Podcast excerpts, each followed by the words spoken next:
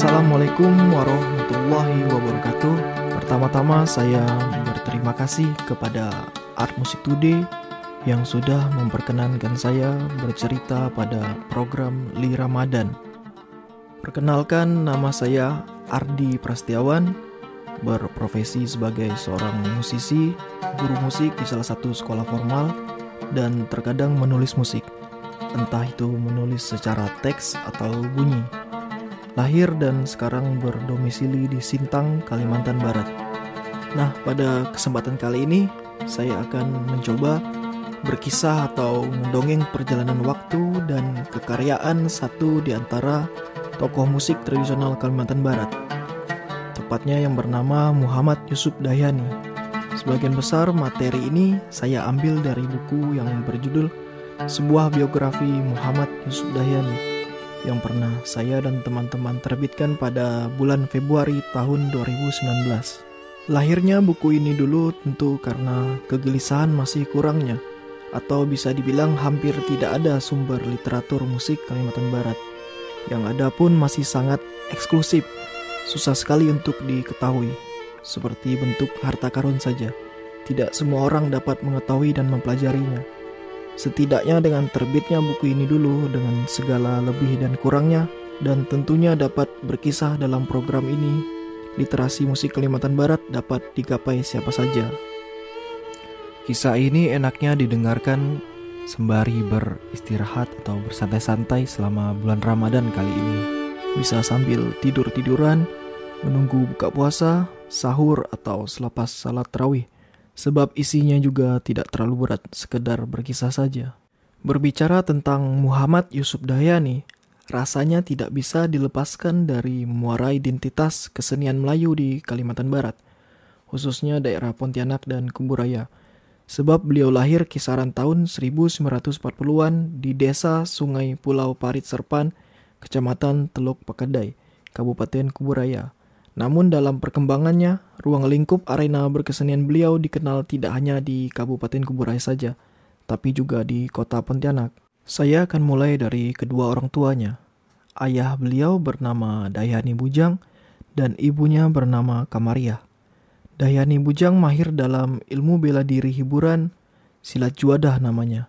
Tidak hanya itu, memainkan alat musik perkusi tar dalam kesenian hadroh, dan belangkah jepin pun dikuasainya. Begitu pula istrinya, bernama Kamaria. Dikenal pandai memainkan alat musik slodang, alat musik petik seperti gambus dalam kesenian tradisional Melayu. Dari turunan kedua orang tua dan lingkungan itulah kemudian mengalir darah seni dan musikal dari Muhammad Yusuf Dahyani. Muhammad Yusuf Dahyani memiliki delapan saudara kandung – dari delapan ada tiga saudaranya yang juga meniti profesi sebagai pemusik. Ada Haji Muhammad Tamrin, Muhammad Yusen, dan Abdul Mutalib. Kesenian yang mereka geluti ada kasidah, orkes gambus, dan jepin. Beliau diketahui sudah mulai belajar tentang kesenian tradisional Melayu sejak berusia lima tahun, namun benar-benar mulai terjun ke dalam dunia kesenian terhitung mulai dari usia 8 sampai 10 tahun. Hitunglah kisaran tahun 1953 dan sudah menetap di kota Pontianak. Sambil mempelajari kesenian tradisional Melayu, beliau juga mengenyam dunia pendidikan sekolah formal. Ada yang menarik, bahwa pada saat itu syarat seorang anak untuk bisa bersekolah bukanlah usia, melainkan mampukah seorang anak melingkarkan tangan kanan ke kepala hingga menyentuh telinga sebelah kiri mengawali pendidikan sekolah formalnya pada sekolah rakyat yang disingkat SR. Sekarang sederajat dengan sekolah dasar SD, berada di Pal 2 Jalan Husein Hamzah Pontianak. Mengenai mata pelajaran yang diajarkan, menurut beliau tidak jauh berbeda dengan mata pelajaran sekarang. Adapun ilmu seputar ilmu alam, berhitung, dan sejarah. Mengenai ilmu kesenian, tidaklah komplit, karena memang bukan sekolah yang berkejuruan seni, hanya seputar bernyanyi. Namun ketika pelajaran kesenian, beliaulah yang selalu diandalkan dalam memimpin lagu. Lagu yang dibawakan adalah lagu anak-anak, kebangsaan. Nah ini yang menarik juga dilantunkan di kelas lagu-lagu keroncong. Satu di antaranya ada Gesang, Jembatan Merah, kata beliau. Di samping bersekolah, beliau juga gemar permainan olahraga anak seusianya, tenis dan sepak bola. Walaupun gemar permainan olahraga, tetap kesenian cita-citanya. Mempunyai hasrat untuk bisa melakukan seperti yang dilakukan oleh para seniman yang pernah dilihat pada masa kecilnya. Begini kiranya kata beliau, Cita-cita saya tuh dulu, ya saya senang dengan hiburan ya. Hiburan dolok-dolok, suka sekali itu, kesenian gitu. Hiburan kalau ada orang main orkes apa, orkes yang dimaksud adalah orkes gambus. Dulu kalau lagi kecil-kecil lah suka mandang apa, tapi itu dimasukkan ke dalam hati tuh. Coba nanti aku besar aku buat gini. Ha, tuh saya. Setelah melalui masa kecil hingga akhirnya masuk pada fase masa remaja, di usia kisaran 26 tahun sekitar tahun 1960-an, Muhammad Yusuf Dayani akhirnya memutuskan untuk menikahi seorang wanita bernama Hamisah pada tahun 1969. Hamisah adalah seorang anak yatim piatu dan masih mempunyai hubungan kekeluargaan. Bisa dikatakan masih sepupu tiga kali atau keluarga jauh, namun tak saling mengenal. Buah dari hasil pernikahan beliau dikaruniai 10 orang anak – namun takdir tidak dapat dihindari dari 10 anak yang lahir hanya tersisa lima orang anak saja. Empat anak laki-laki dan satu anak perempuan. Dari anak laki-laki ada Iskandar, Hamdani, Saparudin, Abdul Mualim, dan anak perempuan ada Siti Marianti. Kisah sebelum menikah disampaikan Hamisah bahwa beliau Muhammad Yusuf Dayani tidak pernah sekalipun menyapa dirinya, meskipun sering bertemu. Ini ada hal yang tidak wajar, malah sebab tidak pernah menyapa namun sering bertemu Hamisah merasa bahwa ada yang spesial dari seorang Muhammad Yusuf Dayani. Ada suatu cerita ketika Hamisah sedang bersepeda dengan adiknya, kemudian melihat Muhammad Yusuf Dayani sedang menaiki kendaraan umum oplet menuju tempat pementasan. Sontak Hamisah merasakan ada perasaan yang tak biasa di antara mereka. Perasaan memang jujur. Tak lama setelah pandangan itu, keesokan harinya Hamisah melihat Muhammad Yusuf Dayani dan ibunya Kamaria mendatangi rumahnya. Momen tersebut membuat Hamisah terkejut bukan main, sebab maksud dari kedatangan itu adalah untuk memperkenalkan Muhammad Yusuf Dayani sekaligus menjodohkan mereka. Setelah terjadi perjodohan itu, mereka akhirnya baru sering bertemu dan akrab. Muhammad Yusuf Dayani pun diceritakan dengan kebolehannya memainkan alat musik tradisional Melayu sering menunjukkan kebolehannya itu di depan Hamisah. Selain itu diceritakan pula perjalanan menjalani kesenian bersama sang istri yang sama sekali tidak ada terbesit di pikiran Hamisah sebelum menikah dengan beliau. Pada dasarnya, Hamisah bukanlah seseorang yang tertarik terhadap seni musik maupun kesenian tradisional Melayu yang disenangi suaminya. Hamisah mulai berlatih bernyanyi setelah mempunyai anak keempat yaitu Hamdani pada tahun 1974 sebab sering mengikuti kegiatan berkesenian dari sang suami Berawal dari itulah ia memberanikan diri untuk membuka suaranya bersair. Dari kasidah, orkes gambus sampai berpantun diiringi alat musik biola, akordeon, dan gambus dari sang suami. Pada akhirnya setelah lama mengikuti kegiatan berkesenian dari sang suami, pada tahun 1994 Hamisah memutuskan untuk berhenti berkesenian. Walaupun rekan-rekannya dalam berkesenian masih sering mengajaknya untuk tetap aktif. Mungkin sebab niatan tidak seserius sang suami, juga sebab sudah berumur dan mempunyai cucu dari pernikahan anaknya Iskandar. Hingga pada akhirnya untuk memenuhi kekosongan dari berkesenian, pada tahun 1996, dua tahun dari keputusannya untuk berhenti berkesenian, Hamisah juga memutuskan untuk lebih memperdalam ilmu agama, yaitu dengan membuka sebuah kelompok pengajian bernama Nurul Hasanah sampai sekarang. Menjalani satu bidang bersama seorang kekasih tampaknya menjadi sebuah kenangan berharga dari mereka. Selain berkesenian, tentu Muhammad Yusuf Dayani juga mempunyai pekerjaan untuk memenuhi kebutuhan keluarga. Pernah menjadi penjual buah kelapa bersama sahabat karibnya dalam berkesenian yaitu Jafar Bunawar yang biasa disapa dengan nama Wak Bacok. Singkat cerita bahwa Jafar Benawar adalah ayahanda dari Anwar Jafar yang mempunyai nama sapaan cikgu oleh mahasiswanya di program pendidikan seni tari dan musik Universitas Tanjung Pura Pontianak. Dan cikgu adalah dosen luar biasa sebab hanya lulusan sekolah dasar tapi mampu mengajar di universitas. Sebab kemampuan ilmunya dalam bermain alat musik perkusi tradisional Melayu. Selain berjualan buah kelapa, beliau juga pernah bekerja sebagai sipir di lembaga pemasyarakatan, berjualan kopi, menjadi supir dan nelayan. Tidak ada yang bertahan lama. Namun menjadi penjual buah kelapa dan sebagai tukang bangunan, beliau dapat bertahan lama bekerja. Hal ini disebabkan karena ketika bekerja menjadi profesi tersebut, beliau ditemani oleh sahabatnya dalam berkegiatan berkesenian. Di antaranya ada Jafar Bunawar tadi, Bang Ang, Sarip Abdurrahman, dan adiknya Muhammad Yusen. Dari sinilah cerita menarik dapat disampaikan. Oleh sebab bekerja bersama dengan para sahabat yang juga berkesenian, akhirnya beliau bersama sahabat memutuskan untuk selalu membawa alat musik seperti akordeon, gambus, biola, dan gendang panjang setiap berangkat bekerja. Mereka memainkan musik sebagai penghibur dan pelepas lelah saat waktu malam beristirahat. Bermusik di saat malam selepas bekerja akhirnya mengundang dan menarik perhatian para warga sekitar untuk menyaksikan mereka bermain musik tradisional Melayu. Warga pun akhirnya meminta mereka untuk terus memainkan musik di malam-malam tertentu untuk menghibur mereka. Nah, setelah tadi kita mendengarkan selain proses berkesenian beliau juga perjalanan hidupnya. Pada bagian ini saya akan mencoba menceritakan secara sederhana rekam jejaknya Muhammad Yusuf Dayani dalam berkesenian. Musik tradisional Jepin, kasida, orkes gambus dan hadrah sangat disenangi Muhammad Yusuf Dayani sedari kecil.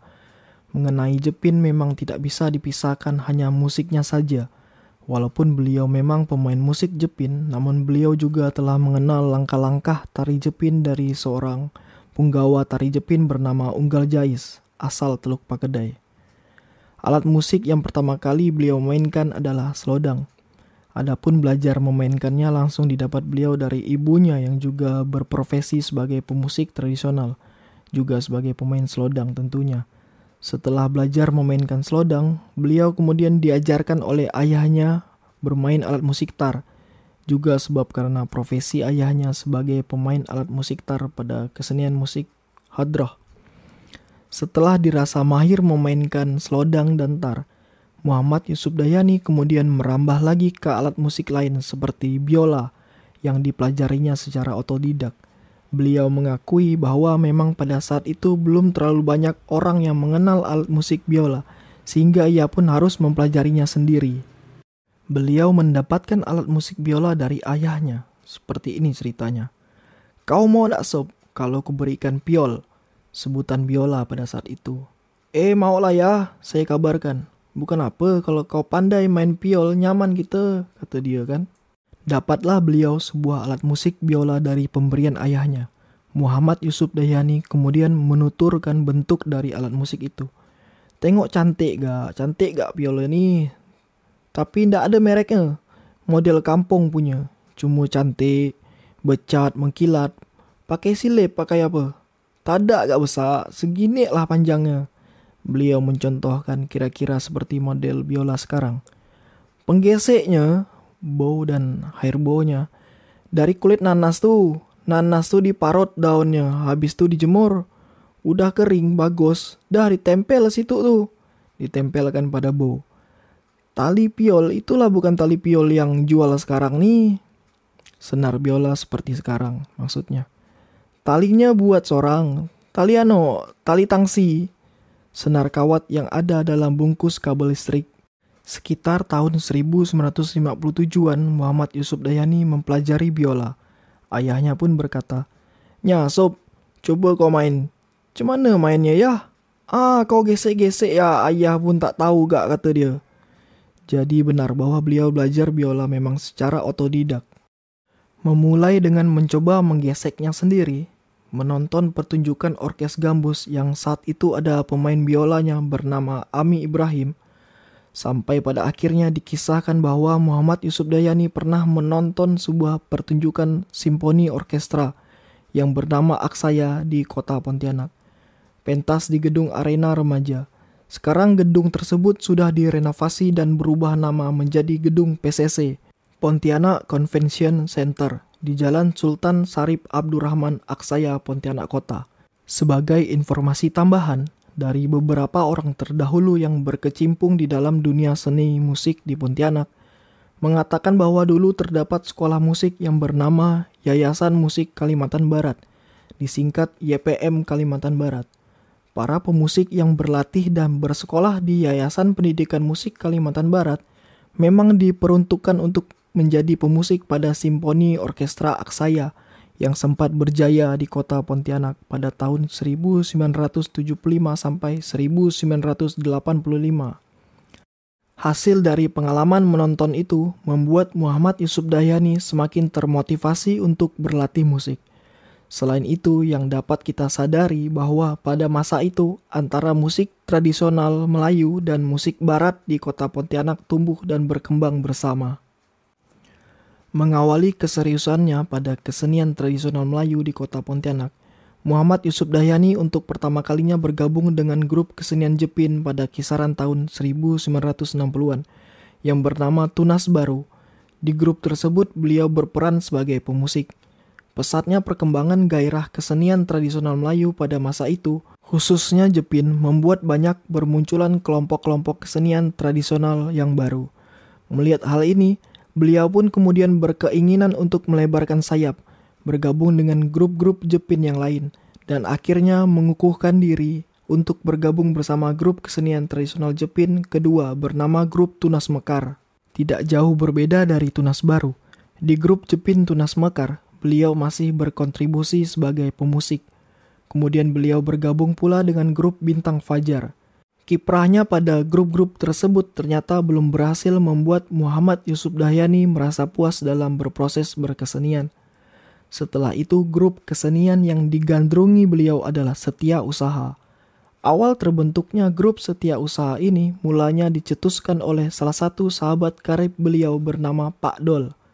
Kedatangan Pak Dol saat itu sebenarnya bermaksud untuk menyampaikan hajat bahwa dirinya hendak membuka suatu perkumpulan kesenian Jepin. Namun sebab ia tidak memiliki bekal ilmu sedikit pun terkait musik, Akhirnya ia mengajak Muhammad Yusuf Dahyani untuk bergabung dan membentuk grup tersebut.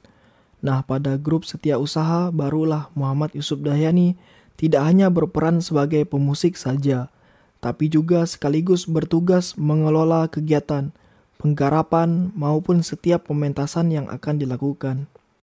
Menjalani prosesnya bersama grup-grup kesenian Jepin, akhirnya beliau juga memutuskan untuk mulai merambah pada grup kesenian Orkes Gambus dan Kasidah.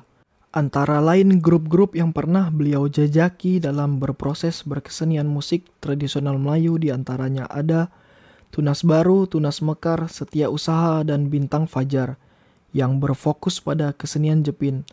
Lalu Nurus Sabah, Al Munir, dan Al Watan berfokus pada orkes gambus. Lalu ada Nurul Huda, El Kawakib, dan Ikhwanul Muslimin yang berfokus pada kasidah rebana. Itulah daftar beberapa grup tempat berproses berkarya berkesenian beliau.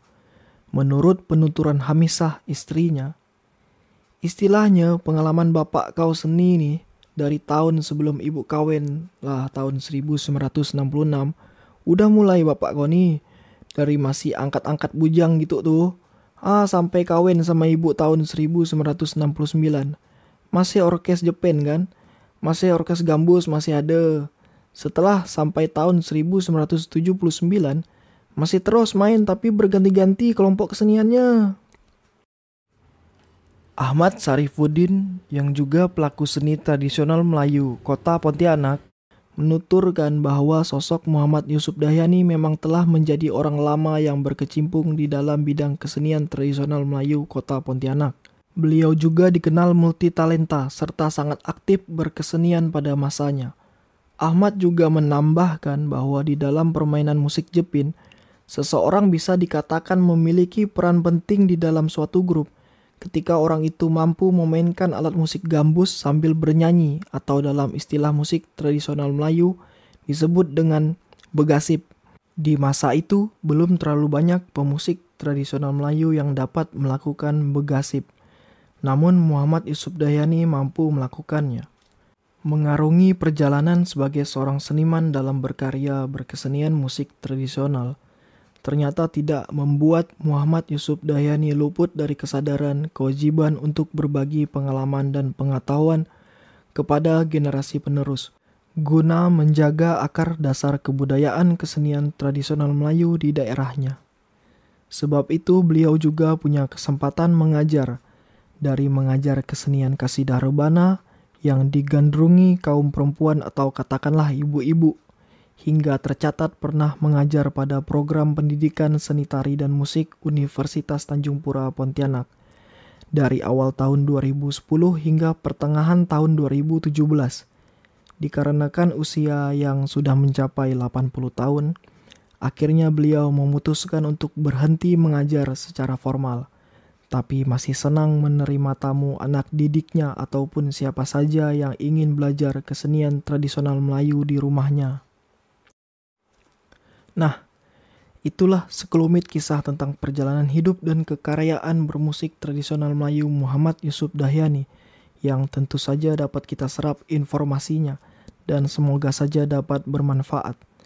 Tentunya musik yang ada sekarang khususnya di kota Pontianak, Kalimantan Barat tidak terlepas dari apa yang ada di masa lalu dan menjadi satu di antara muara identitas musik Kalimantan Barat.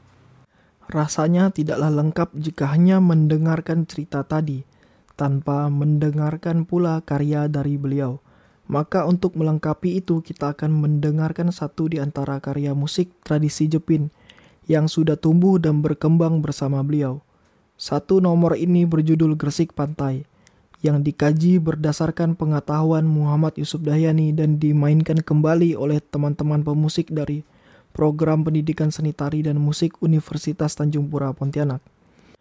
Dengan diputarnya karya musik ini, saya juga menghaturkan banyak terima kasih kepada kerabat Art Music Today yang sudah memperkenankan kisah ini dapat terwadahi dan tentu saja para pendengar yang ada. Saya pamit. Assalamualaikum warahmatullahi wabarakatuh.